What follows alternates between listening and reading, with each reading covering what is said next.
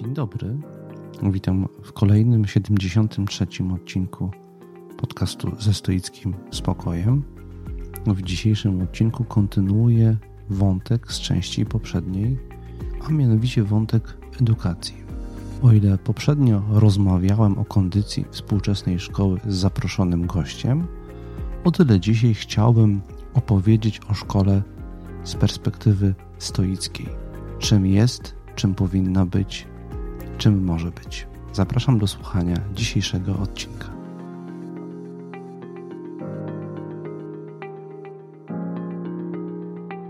A zacząć chciałbym dzisiaj mm, trochę nietypowo, jak na, na to, do czego przyzwyczaiłem moich słuchaczy i słuchaczki ostatnio. Ostatnio bowiem zazwyczaj od razu staram się przejść do rzeczy. Dzisiaj natomiast chciałbym zacząć od listu jednego ze słuchaczy, nowego słuchacza. Jest to pan Tomasz, który w pierwszej części listu opowiada o sobie. Jest fizykiem, który pracuje w tym zawodzie, w zawodzie fizyka w Niemczech i zwierza się mi w swoim liście, że jeden z odcinków mojego podcastu skłonił go do pewnej, zainspirował go do pewnej refleksji i postanowił się efektami tej refleksji ze mną podzielić, za co jestem panu Tomaszowi bardzo wdzięczny. Cytuję ten kluczowy fragment listu. Przesłuchałem kilka podcastów, za mało jednak, aby wyrobić sobie jeszcze głębsze zrozumienie istoty stoicyzmu. Ostatnio trafiłem przypadkowo na odcinek 65, gdzie wspomina Pan o trudności w czytaniu, jeżeli dużo się pisze i na odwrót. Chciałem się podzielić, że również tak mam. Ze względu na specyfikę pracy fizyka nieustannie piszę i chcę czytać i przyswajać nową wiedzę, nowe, nowe teorie, nowe opisy doświadczeń, nowe wyniki. Fizyk zawsze jest na froncie wiedzy i niewiedzy, jakby w rozkroku. Poznawczo jest to dość męczące w dłuższej perspektywie. Jeżeli mam okres intensywnego czytania publikacji i analizowania literatury, praktycznie nie jestem w stanie zabrać się za pisanie artykułów naukowych. Na szczęście takich okresów nie jest dużo i na odwrót. Jeżeli jestem w fazie intensywnego wykorzystywania swojej energii wyłącznie na pisanie i liczenie, a więc wytwarzanie nowych, usystematyzowanych myśli, to znaczy wiedzy, praktycznie umysł mój nie jest gotowy przyswajać obcej myśli. Ta niekompatybilność wytwarzania, a więc pisania i przyjmowania, więc czytania wiedzy jest bardzo ciekawa.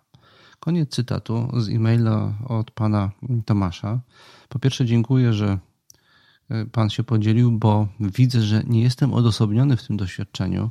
Ja się spodziewałem, że więcej osób tak ma, a postanowiłem zacząć od przytoczenia korespondencji z panem Tomaszem z tego powodu, że łączy się to z moją refleksją na temat kondycji współczesnej szkoły.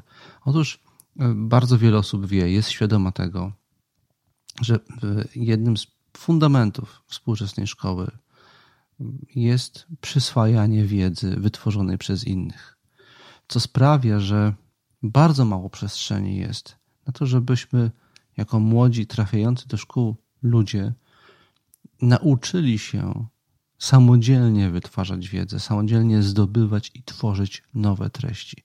Ta kompetencja jest w bardzo dużym stopniu, rozwijanie tej kompetencji jest we współczesnej szkole w bardzo dużym stopniu utrudnione. Taką mam wstępną refleksję.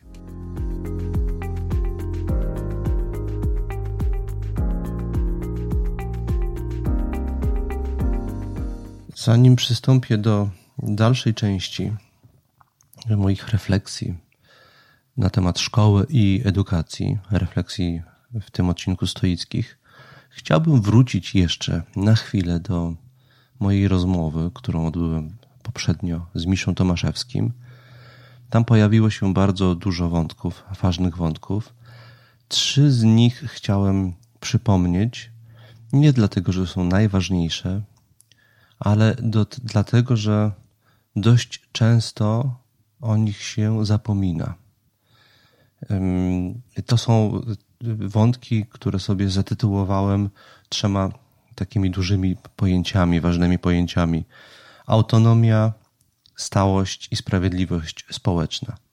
Uważam, wydaje mi się, i to też w tej rozmowie ostatnio wybrzmiało, że nauczyciele powinni mieć stosunkowo dużą autonomię, autonomię w kreowaniu rzeczywistości społecznej.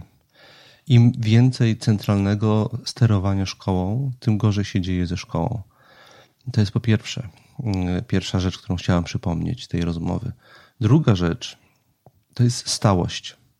Im więcej dużych strukturalnych zmian w szkolnictwie w przeciągu stosunkowo krótkiego czasu, a przez krótki czas rozumiem 10-15 lat, tym gorzej ze szkołą. Szkoła dobrze funkcjonuje wtedy, kiedy mm, te struktury, reguły, plany y, są powtarzalne, kiedy rzeczywistość szkoła, szkolna może wokół nich wypracować sobie dobrze działające procedury. W momencie, kiedy te procedury muszą być ciągle od nowa budowane, bo wszystko się zmienia strukturalnie, jest nieuchronne, że część z nich po prostu będzie zawodzić, będzie źle działać, bo one muszą się dotrzeć z rzeczywistością, nowe reguły.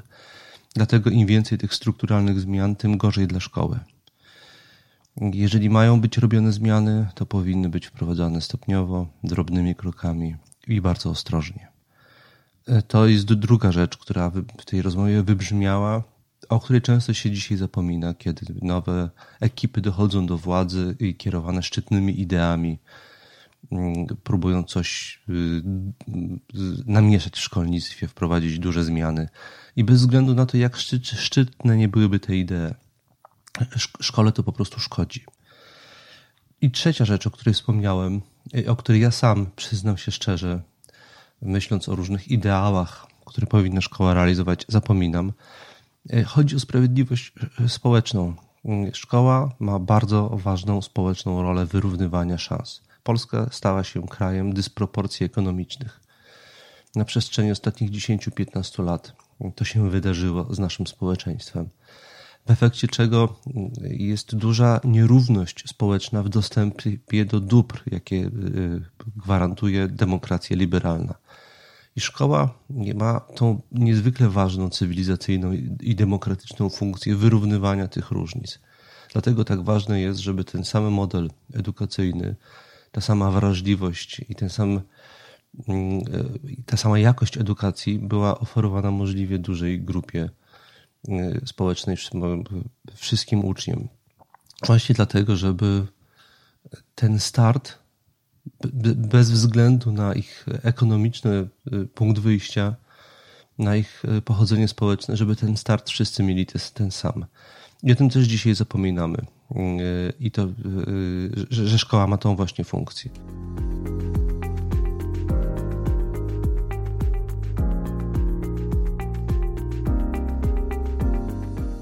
Tyle, jeżeli chodzi o rekapitulację rozmowy z Miszą Tomaszewskim.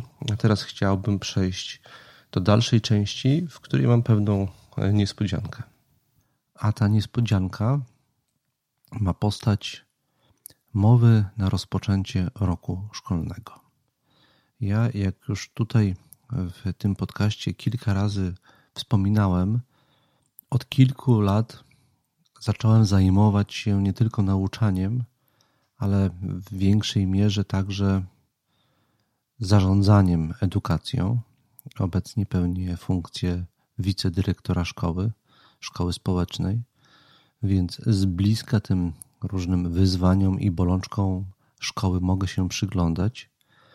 Kiedy zaczynałem swoją przygodę z administrowaniem edukacji, edukacją, mm, przygotowywałem się pewnego razu do wygłoszenia mowy inauguracyjnej na rozpoczęcie roku szkolnego e, i przysiadłem do tej mowy porządnie, gdyż chciałem zawrzeć w niej, zależało mi na tym, żeby udało mi się w niej zawrzeć wszystkie najważniejsze intuicje, jakie ja mam wokół idei dobrej szkoły, dobrej edukacji.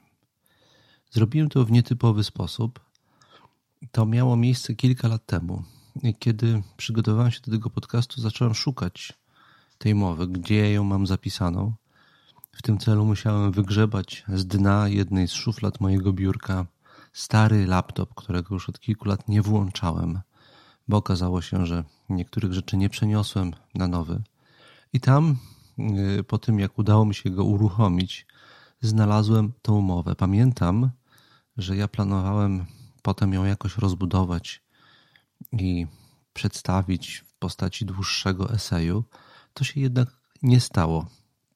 Także została ta mowa, a ja ją e, wygłosiłem we wrześniu 2016 roku. I teraz chciałbym ją dla Was, moich słuchaczy i słuchaczek, wygłosić jeszcze raz, a potem opatrzyć krótkim komentarzem. Tak, tak chciałbym, żeby wyglądała dalsza część dzisiejszego odcinka podcastu. A więc zaczynam. Tytuł mojej mowy brzmi następująco: Szkoła jako przestrzeń edukacji i wychowania. Znajdujemy się w miejscu przeznaczonym do pewnych szczególnych praktyk, którymi ludzkość para się od kilku tysiącleci. To miejsce określa się jako szkoła, a te praktyki nazywa się często edukacją i wychowaniem. Chciałbym zaproponować pewien krótki wywód na temat tego miejsca i tych praktyk.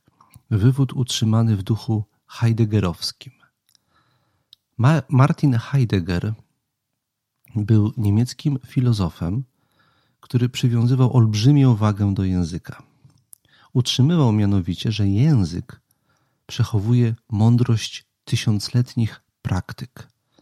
Zamiast więc próbować od nowa rozumieć i definiować jakąś praktykę, możemy, jego zdaniem, wsłuchać się w to, co mówi nam język, żeby sprawdzić, czy samo wsłuchanie się w ten język nie dostarcza nam jakiejś inspirującej mądrości. Po pierwsze, przyjrzyjmy się więc słowu szkoła. Znajdujemy się w szkole.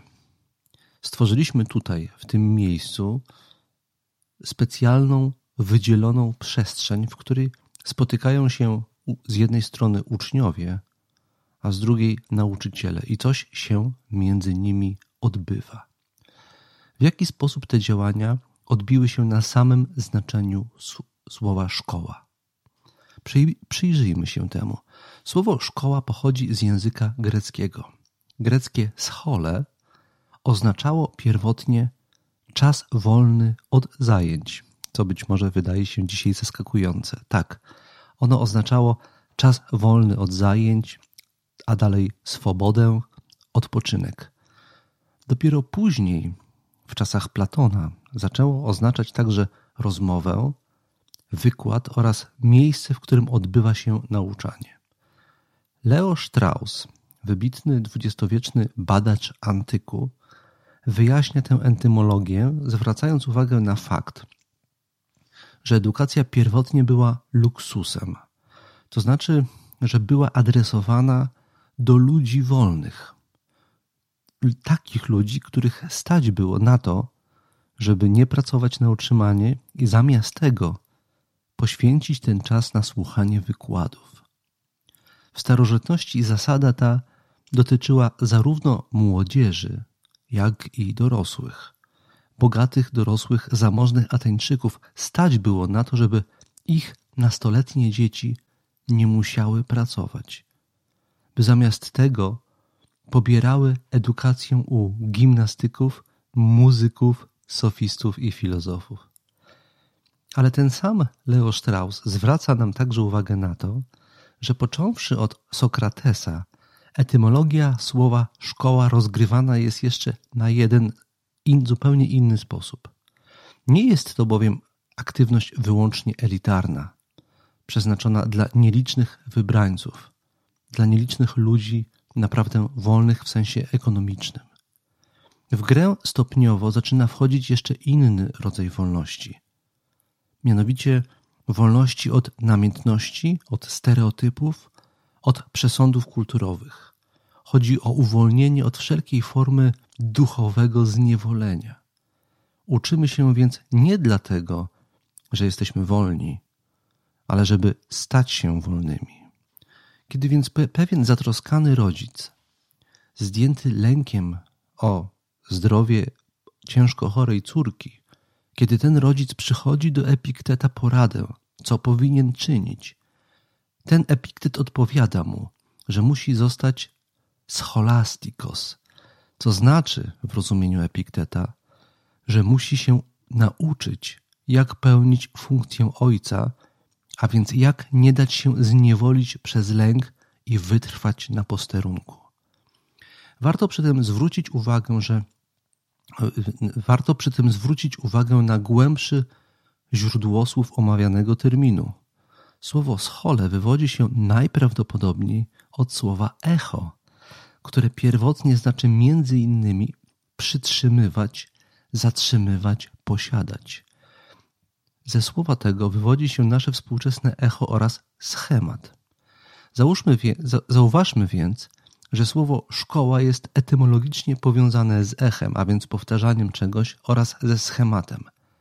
W obu przypadkach chodzi o zatrzymanie czegoś, przytrzymanie w określonej formie. A więc podsumowując ten wątek, można powiedzieć, że w szkole dochodzi do niezwykłego zatrzymania na wielu poziomach. Po pierwsze, młodzi ludzie są zatrzymani w pewnym miejscu, w którym nie muszą pracować. Są wolni od konieczności pracy na swoje utrzymanie. Ale zatrzymani tam są po to, żeby następnie w tym miejscu na drodze powtarzania, niby echo, wypracować schematy niezbędne do udanego życia. Teraz przejdźmy do drugiego interesującego terminu, mianowicie do terminu edukacja. Słowo to wywodzi się z języka łacińskiego. Wyprowadza się je ze słowa educo, które ma wiele różnych znaczeń, począwszy od przyjmowania porodu, wyżywienia, wyżywienia dziecka przede wszystkim, przez wyprowadzenie przykład statku sportu albo doprowadzenie skazanego do sądu, a następnie prowadzenie przykład armii do boju. Głębsza etymologia tego słowa pozwala nam sięgnąć do łacińskiego duco, w którym pobrzmiewa, pobrzmi, które pobrzmiewa w takich polskich słowach jak konduktor czy kondukt, które to słowa pierwotnie które to słowo pierwotnie oznacza między innymi prowadzić, kierować, ale także eskortować i rządzić. Dwudziestowieczny wybitny filolog i filozof Michel Foucault wskazuje, że jednym z kluczowych znaczeń tego słowa etymologicznie wziętego w znaczeniu etymologicznym jest także podawać pomocną dłoń. W edukacji, jak podkreśla filozof, Chodzi o to, że prowadzi się poprzez podanie pomocnej dłoni. W rozumieniu Foucaulta, badającego różne antyczne praktyki edukacyjne, słowo to zasadza się na intuicji, wedle której człowiek ma naturę podatną na zaburzenie, na rozchwianie, na niewłaściwe nawyki. Edukacja to ochrona, jest to wyciąganie pomocnej dłoni, żeby pomóc przejść przez trudny okres.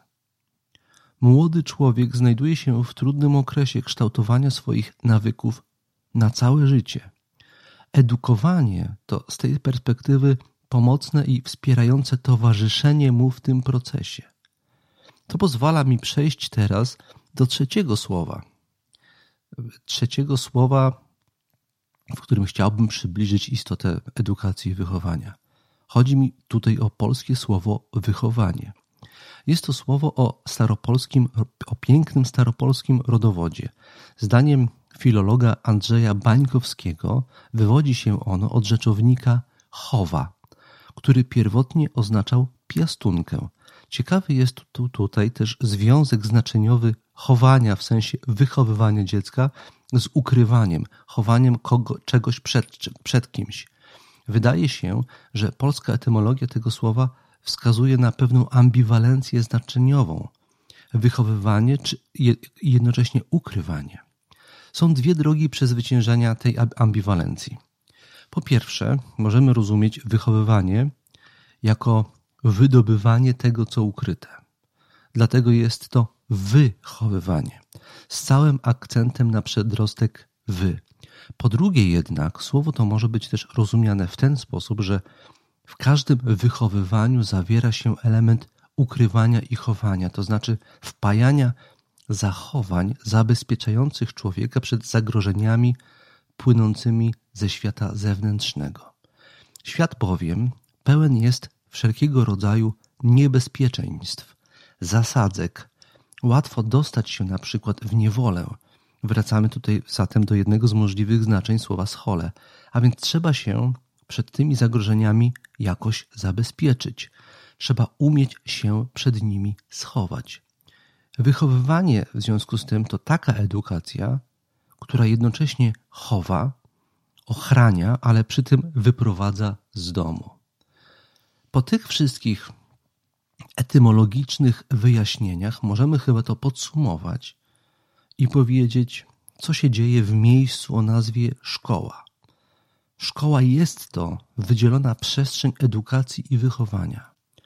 Przychodzą do niej uczniowie jako osoby wolne materialnie, wolne od konieczności pracy, ale przychodzą do niej po to, żeby stać się istotami wolnymi duchowo i umysłowo.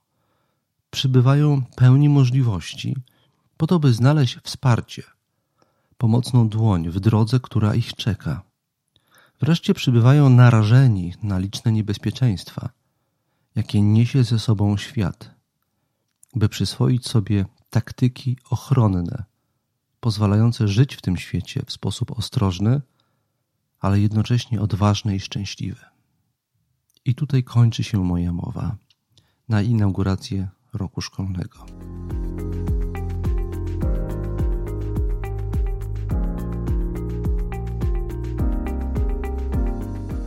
Taka była ta moja mowa. Teraz chciałbym uzupełnić ją krótkim komentarzem z perspektywy tych sześciu lat.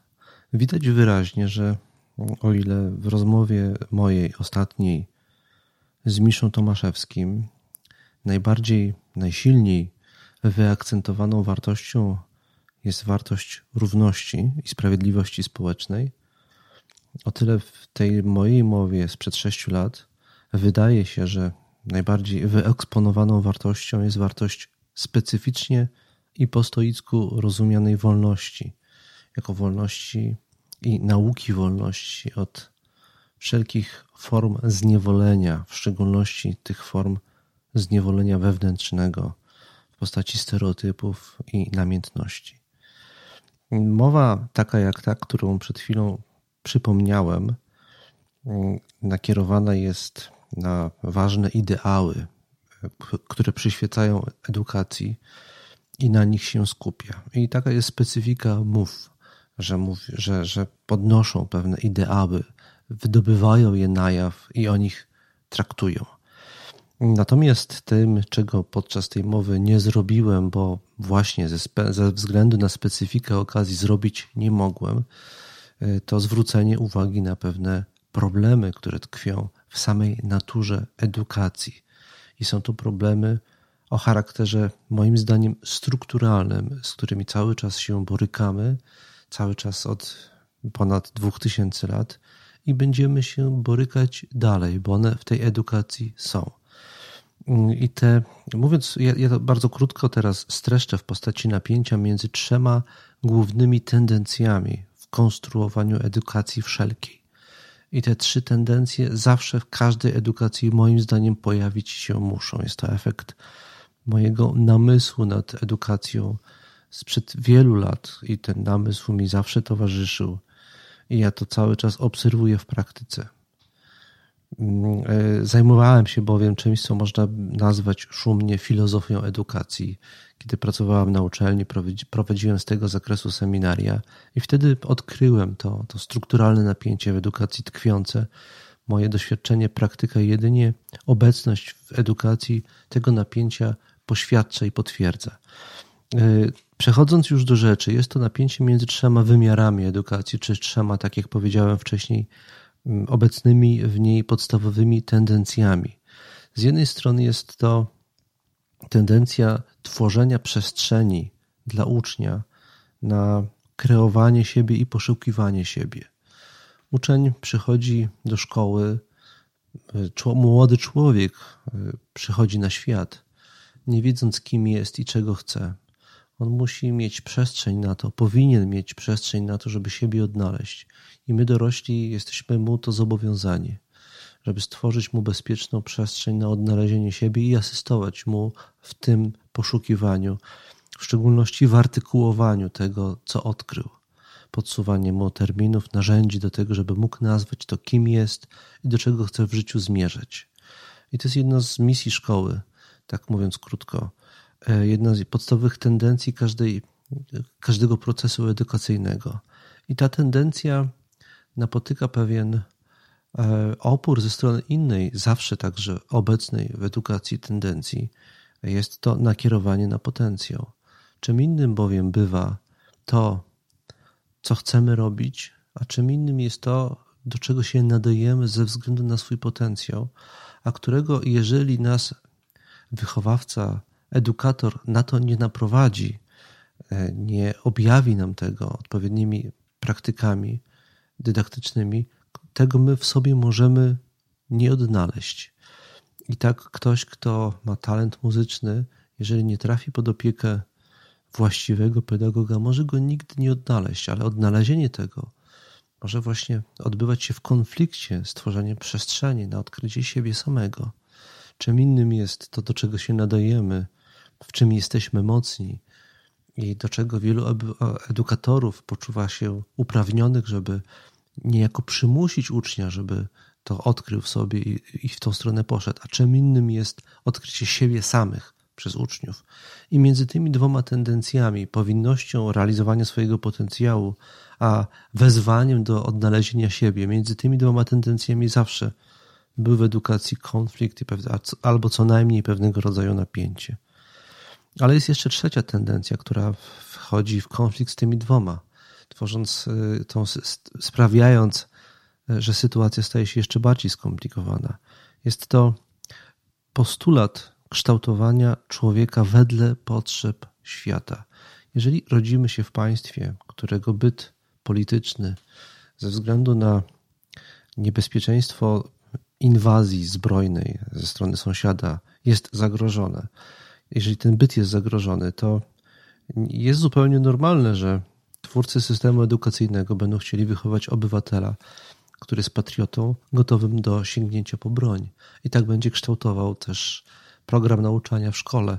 Nie ze względu na to, kim uczeń chciałby być, nie ze względu na to, żeby uczeń mógł siebie odkryć ani zrealizować swój potencjał, ale ze względu na to, jaka jest bieżąca potrzeba chwili, bieżąca potrzeba narodu czy jakiejś szerszej sytuacji.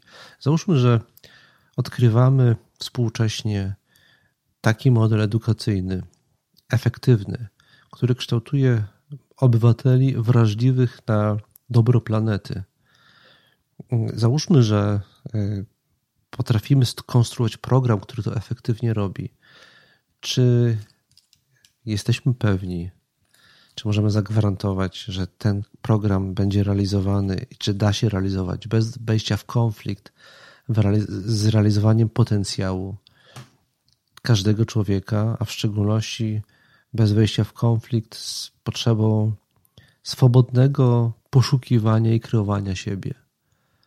Może nie zawsze mamy komfort jako ludzie rozpoczynający życie, żeby Świat stworzył nam przestrzeń wyłącznie dla nas, dla naszego poszukiwania siebie.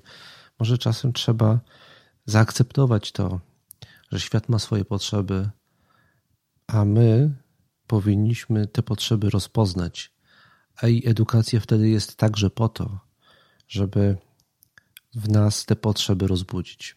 I tak jak powiedziałem, te trzy tendencje w edukacji, te trzy postulaty fundamentalne edukacji zawsze w niej były i zawsze jakoś ze sobą wchodziły w konflikt i nie widzę możliwości, żeby tak się nie działo.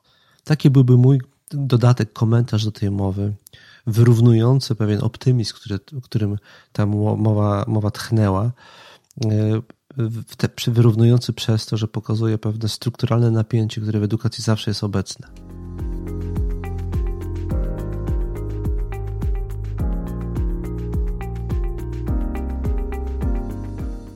Teraz, zanim przejdę do dalszej części moich zaplanowanych na dzisiaj rozważań, Z jeszcze jednym mitem chciałem się rozprawić. Gdybyśmy mieli zadać pytanie o to, w jakim przede wszystkim obszarze lokowała się edukacja stoicka albo główny cel starożytnej edukacji stoickiej, i gdybyśmy mieli odpowiedź zawrzeć w jednym terminie, to oczywiście tym terminem byłaby etyka. Stoicy uważali, że głównym celem, sensem i podstawowym sensem edukacji jest kształtowanie postaw etycznych człowieka. Tymczasem dzisiaj wydaje mi się, z mojego doświadczenia, także filozoficznego, bo różne zajęcia w różnych miejscach miałem przyjemność prowadzić. Wydaje mi się, że wokół etyki jest dzisiaj najwięcej schematów i nieporozumień, w szczególności wokół tego, co to znaczy uczyć etyki. Większość z moich słuchaczy i słuchaczek prawdopodobnie na, na, na różnych etapach edukacji, tej czy innej formy edukacji etycznej zaznała. E, I ten model edukacji etycznej w Polsce i w większości, wydaje mi się, miejsc na świecie rozumiany jest zazwyczaj w bardzo schematyczny sposób, jako przekazywanie wiedzy na temat różnych teorii etycznych, ewentualnie dylematów i problemów etycznych. Tymczasem y, mnie, kiedy się temu y, przed laty przyglądałem, y, udało się wpaść na kilka bardzo oryginalnych modeli edukacji etycznych i to z, ze studentami w różnych grupach omawiałem. Niestety one, te modele edukacji etycznej, skrojone na potrzeby współczesności, są niebywale niszowymi przedsięwzięciami i to jest jedna z wad współczesnej edukacji, że na etykę patrzymy niezwykle schematycznie, na edukację etyczną patrzymy niezwykle e, schematycznie jako na proces intelektualnego przyswajania pewnych konceptów etycznych, pewnych norm. Tymczasem y, to powinno wyglądać zupełnie inaczej. Najczęściej, kiedy się tym bardziej nowoczesnym modelom edukacji etycznej przyglądałem, tam jest nacisk na cztery lub więcej, ale ja pamiętam dobrze cztery najważniejsze zazębiające się działy czy obszary treningu, który trzeba sukcesywnie, regularnie i naprzemiennie wdrażać, tak aby dzięki czemu dopiero ta edukacja etyczna ma szansę y, uzyskać czy dać nam pożądane efekty w postaci człowieka o prawym charakterze, no bo to jest cel edukacji etycznej, nie przyswojenie idei, ale ukształtowanie prawego charakteru. No I tam są te cztery, tak jak powiedziałem, zazębiające się obszary pracy. I one są następujące. Bardzo krótko je tutaj wspomnę, bo to jest właściwie temat na osobny y, odcinek podcastu. Po pierwsze, i o tym niebywale często zapominamy dzisiaj, i to o tym trzeba nieustannie przypominać. Nie ma we współczesnej szkoły na to przestrzeni, żeby to robić. Po pierwsze, jest to kształtowanie empatii. Chodzi o tworzenie takich sytuacji dydaktycznych, te, tego rodzaju form pracy w grupie i tego rodzaju wyzwań poznawczych, które rozwijają w młodym człowieku empatię, wrażliwość e, i umiejętność wyobrażenia sobie tego, co przeżywa drugi człowiek i dlaczego przeżywa to, co przeżywa. Zrozumienie drugiego człowieka jest podstawą empatii. Na to nie ma przestrzeni, albo bardzo mało jest tej przestrzeni we współczesnej szkole. Po drugie, e, chodzi o wiedzę etyczną. Ona faktycznie się przydaje, ale ona nie powinna występować osobno e, w oderwaniu od tych pozostałych elementów, z których jeden już omówiłem. Przez wiedzę etyczną mam na myśli właśnie te pojęcia i te problemy, te dylematy, w które człowiek powinien umieć ubierać to, czego doświadcza i to, co napotyka, żeby to lepiej rozumieć, żeby to lepiej pojęciowo operacjonalizować i żeby lepiej sobie radzić z rozumieniem sytuacji i na podstawie tego rozumienia formułowania rozwiązań. Trzecia rzecz, trzeci obszar pracy, którą trzeba wykonać, żeby kształtować prawy charakter, to jest właśnie trening charakteru. To jest y, tworzenie takich sytuacji dydaktycznych, w których człowiek, młody człowiek, musi umieć radzić sobie na przykład z przeciwnościami, z trudnościami, podejmować się zobowiązań i wyzwań i wywiązywać się z nich następnie i umieć przez ten proces przychodzić, umieć dostrzegać swoje ograniczenia w tym procesie i radzić sobie z akceptowaniem ich. Upraszczając, jest to trening siły woli, siły charakteru i samowiedzy. I ostatni element tego modelu, nowoczesnego modelu edukacji etycznej, to jest kształtowanie umiejętności rozumowania i dyskutowania. Co z tego, że będziemy wiedzieć, co jest dobre, jeżeli nie będziemy umieli wnioskować, jeżeli nie będziemy umieli odróżniać prawdy od fałszu, faktów od wyobrażeń? Co z tego, jeżeli nie będziemy umieli przekonać innych do tego, co uważamy za słuszne, albo podjąć rozmowę, rzeczywistą rozmowę, a nie indoktrynowanie? Rozmowę z drugą osobą, z drugim człowiekiem, taką, w której traktujemy siebie po partnersku. To jest wielka sztuka dzisiaj. I to uważam i zgadzam się z tymi różnymi modelami edukacji etycznej, jest immanentny element nowoczesnej edukacji etycznej. A więc e, przypominając, empatia, wiedza, rozumienie i charakter. Te cztery elementy trzeba jednocześnie kształtować, żeby dzisiaj mówić o mm, edukacji etycznej.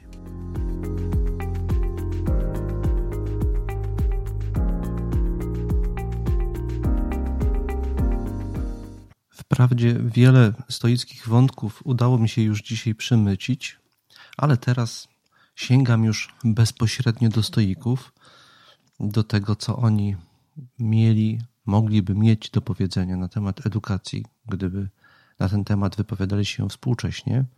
Sięgnę do trzech z nich, mianowicie do Seneki, do Muzoniusza Rufusa i do Chryzypa. Zacznę od najmłodszego z nich, od Seneki, który w swoich listach moralnych do Lucyliusza jeden z listów, mianowicie list 88, poświęcił w całości edukacji. Jest to dość obszerny list i oczywiście mm, wszystkich słuchaczy i słuchaczki zachęcam do przeczytania go w wolnej chwili. On się zaczyna od mm, charakterystycznego sformułowania które od razu, które od razu pokazuje punkt odniesienia, sposób patrzenia Seneki. Cytuję: Chcesz wiedzieć, co ja sądzę o naukach i sztukach wyzwolonych? Nie szanuję i nie zaliczam do dobrych żadnej, która ogląda się za zyskiem.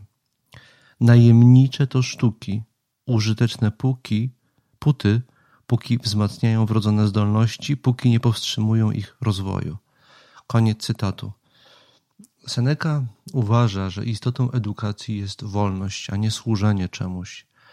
I tak jak mówiłem wcześniej, istotą tej wolności jest wyzwalanie człowieka od wszelkiego rodzaju zewnętrznych i wewnętrznych, na tyle, na ile to możliwe, ograniczeń.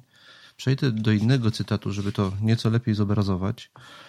Trzy strony dalej Seneca przedstawia bardzo ciekawy przykład. Przytoczę go teraz, cytuję. Co mi to da, że będę umiał podzielić na części pole, jeśli nie umiem podzielić się z bratem? Co mi to da, jeśli będę dokładnie zbierał i gromadził stopy morgowe, bacząc, żeby nie uszedł mej uwagi nawet dziesięciostopowy kawałek roli, jeśli przysparza mi zmartwień zuchwały sąsiad, który urywa coś z mojej własności. Koniec cytatu. Seneca pokazuje w tym fragmencie hierarchię, na której powinna być zbudowana idea e, autentycznej edukacji. Możemy poświęcać czas na takie nauki jak matematyka i geometria, ale one są całkowicie jałowe i mogą służyć złu, jeżeli nie są oparte na fundamencie podstawowej nauki, jaką jest etyka jako rozumiana jako sztuka wspólnoty, życia we wspólnocie i kształtowania charakteru. Bez tego żadne nauki nam się nie przysłużą. I to powinien być fundament. To tymczasem, tak jak już powiedziałem e, wcześniej, jest mocno zaniedbane we współczesnej edukacji.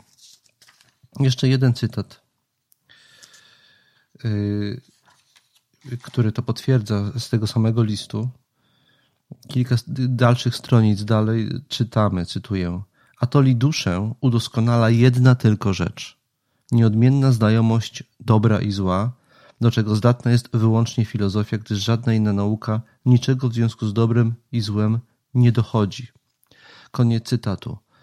Moglibyśmy oczywiście dzisiaj kwestionować, czy to wyłącznie filozofia e, uczy tego, tym bardziej, że powiedziałem wcześniej, e, iż jednym z elementów skutecznej nauki etyki jest kształtowanie empatii, zdolności rozumowania, wnioskowania, wsłuchiwania się w, w, drugiej oso- w drugą osobę.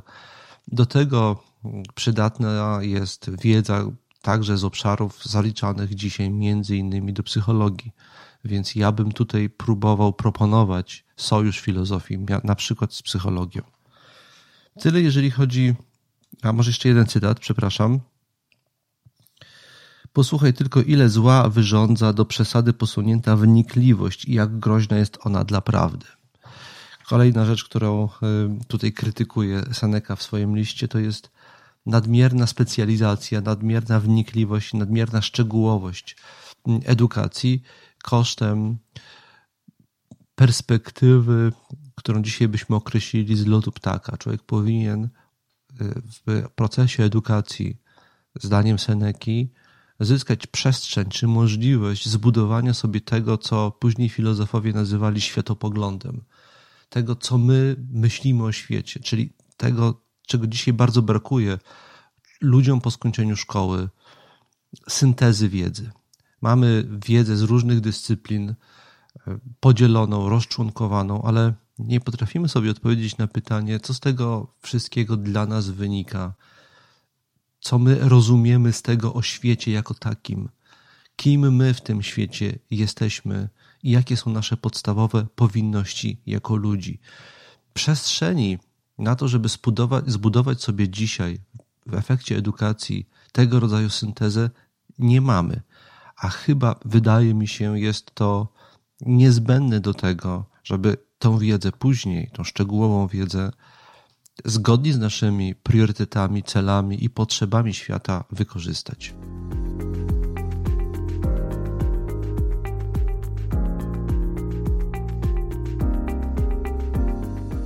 Teraz przejdę do obiecanego muzoniusza Rufusa. Przypomnę, że jest to dość mało dzisiaj znana czy słabo pamiętana postać, gdyż większość jego tekstów całkowicie zaginęła. Był to charyzmatyczny, przede wszystkim nauczyciel, czasami przez badaczy porównywany do Sokratesa, nazywanego, nazywano go czasami rzymskim Sokratesem. Mm, on był między innymi nauczycielem Epikteta, którego wszyscy dobrze znamy. I tak jak powiedziałem, słynął z dydaktycznej charyzmy i bardzo ciekawej dydaktycznej postawy. Mm, I kolejna rzecz, z której zasłynął, mm, to jest idea równouprawnienia. Niektórzy historycy czasami uważają go za pierwszego feministę, z tego powodu, że poświęcił kilka swoich odczytów temu, iż mm, edukacja powinna, taka sama edukacja powinna być adresowana do dziewcząt, jak i chłopców. Kierował się tutaj jednak, żeby oddać uczciwość, sprawiedliwość y, jego procesowi dowodzenia, kierował się tutaj przede wszystkim nie, nie ideą równouprawnienia, ale ideą szczęścia i spełnienia. E, szczęścia w wymiarze społecznym i indywidualnym. Uważał, że do szczęścia niezbędna jest wewnątrz sterowność, umiejętność samodzielnego, refleksyjnego kierowania swoim życiem. I to jest przede wszystkim cel edukacji. Mm, etyka, y, której nauczał, miała przede wszystkim to na celu. I ona była adresowana zarówno do chłopców, jak i do dziewcząt.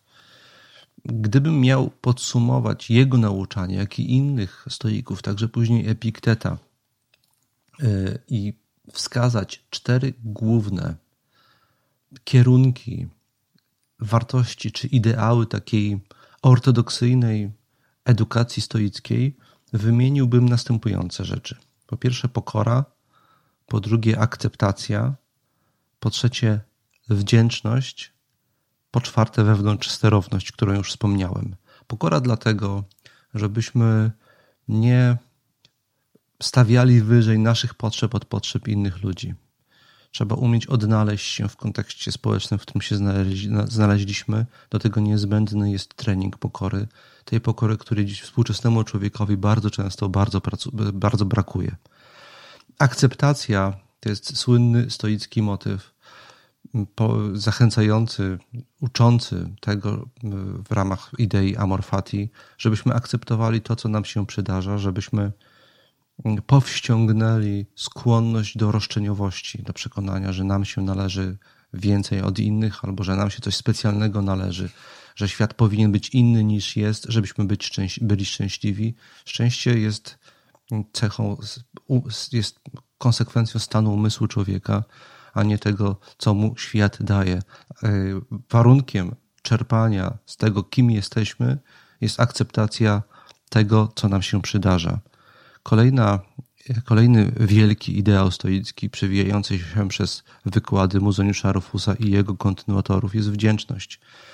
E, chodzi o to, żebyśmy umieli być wdzięczni za to, co nam się przydarza, nawet jeśli nie zawsze przydarza nam się to, co byśmy chcieli, żeby nam się przydarzało. I wreszcie to, o czym już mówiłem, podstawowy ideał stoicki, chyba można tak powiedzieć, który, który, który tutaj przytoczyłem, używając określenia wewnątrz sterowność. A oczywiście antyczni stoicy tego terminu nie używali, ale sądzę, że mm, gdybyśmy mieli przełożyć konsekwencje edukacji stoicką na współczesny język, to tego terminu trzeba byłoby użyć. Wewnątrz sterowność, czyli umiejętność tak jak powiedziałem, samodzielnego, refleksyjnego kierowania swoim życiem w kontakcie ze swoimi wartościami i priorytetami. Tak bym krótko podsumował edukację stoicką w ujęciu Muzoniusza Rufusa.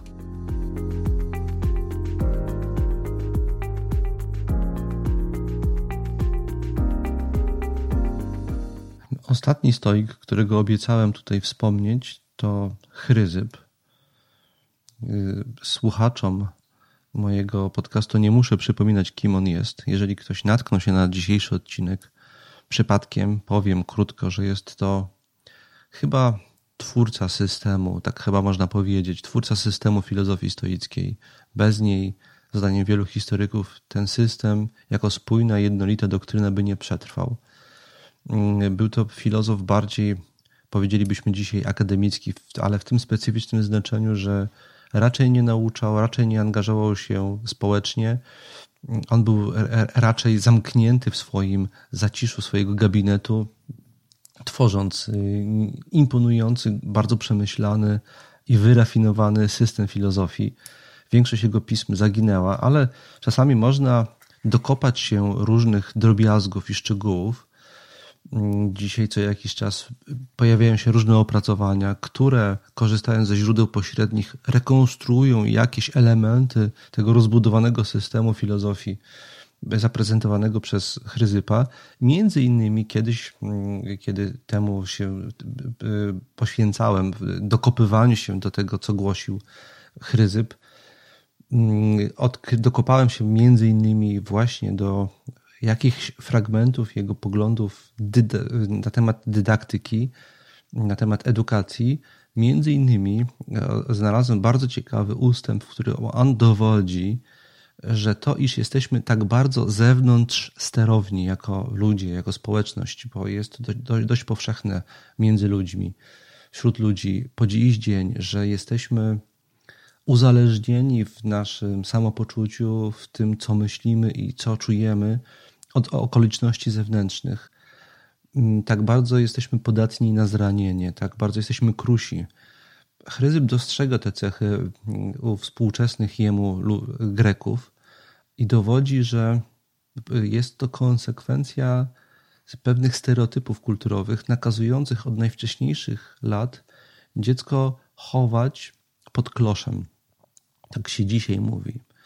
E, a więc kiedy my, mm, począwszy od najmłodszych lat, jesteśmy traktowani jako istoty kruche i wrażliwe, mm, każde nasze zranienie najdrobniejsze jest natychmiast otaczane drobiazgowymi zabiegami pielęgnacyjnymi, kiedy y, każde potknięcie, na każde potknięcie przybiega rodzic, pytając, czy nic się nie stało, i jeszcze y, towarzyszy temu zatrwożona mina to wszystko buduje w człowieku przekonanie, że świat jest jakoś niebezpieczny, że jest on jakoś zagrożony w swoim dobrostanie i to prowadzi do uczucia zalęknienia. I to uczucie zalęknienia rozwija się później u dorosłego człowieka w stały niepokój o to, czy e, osiągnie dobrostan.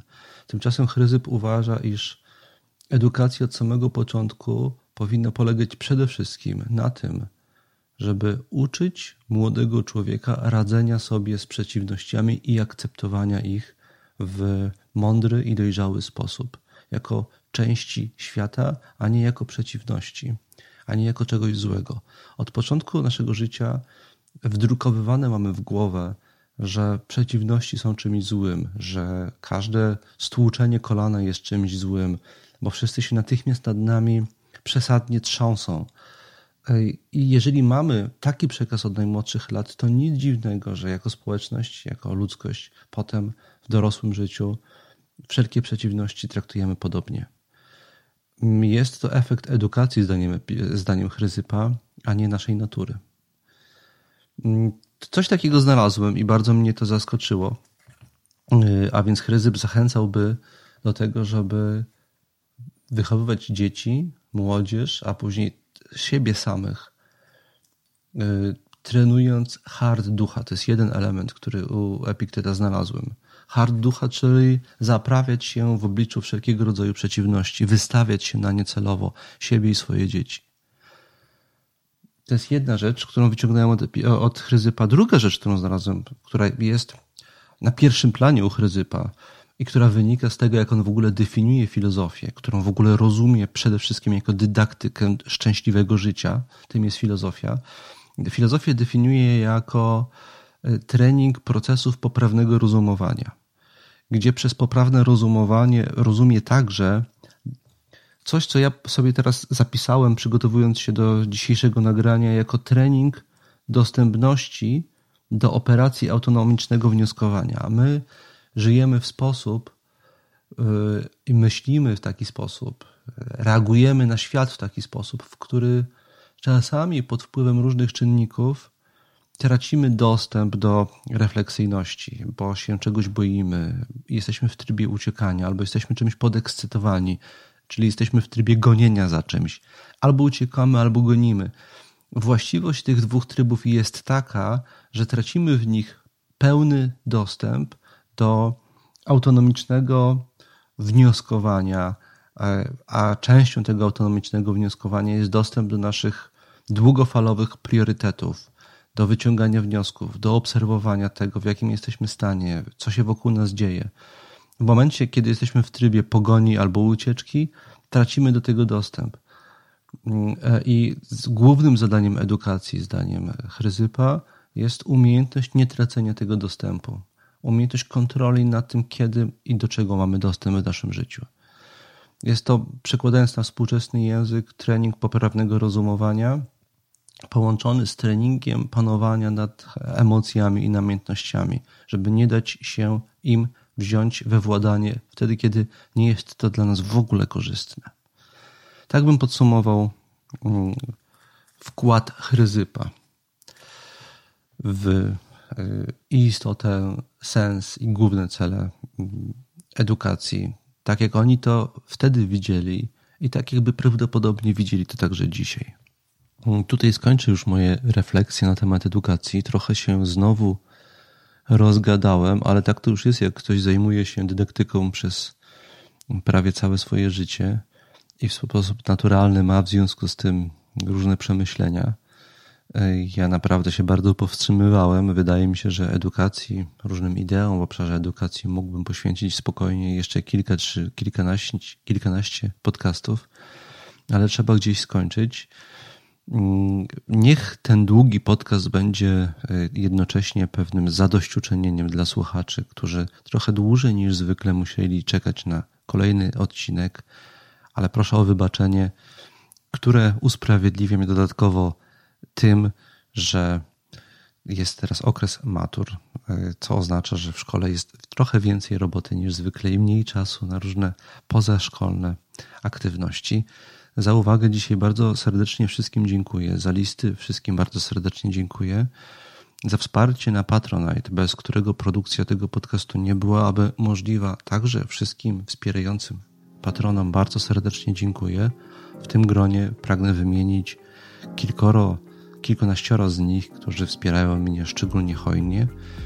Jest to Ludwik Sienica, Zbigniew Celej, Sławomir Franus, Jacek Mędyk, Krzysztof Pudełko, Justyna Metryka, Małgorzata Małodzińska, Bartosz Szarowar, Anna Micrai, Łukasz Mandzyn, Leszek i Leszek Para. Bardzo dziękuję wszystkim wspierającym i do usłyszenia w następnym odcinku podcastu ze stoickim spokojem.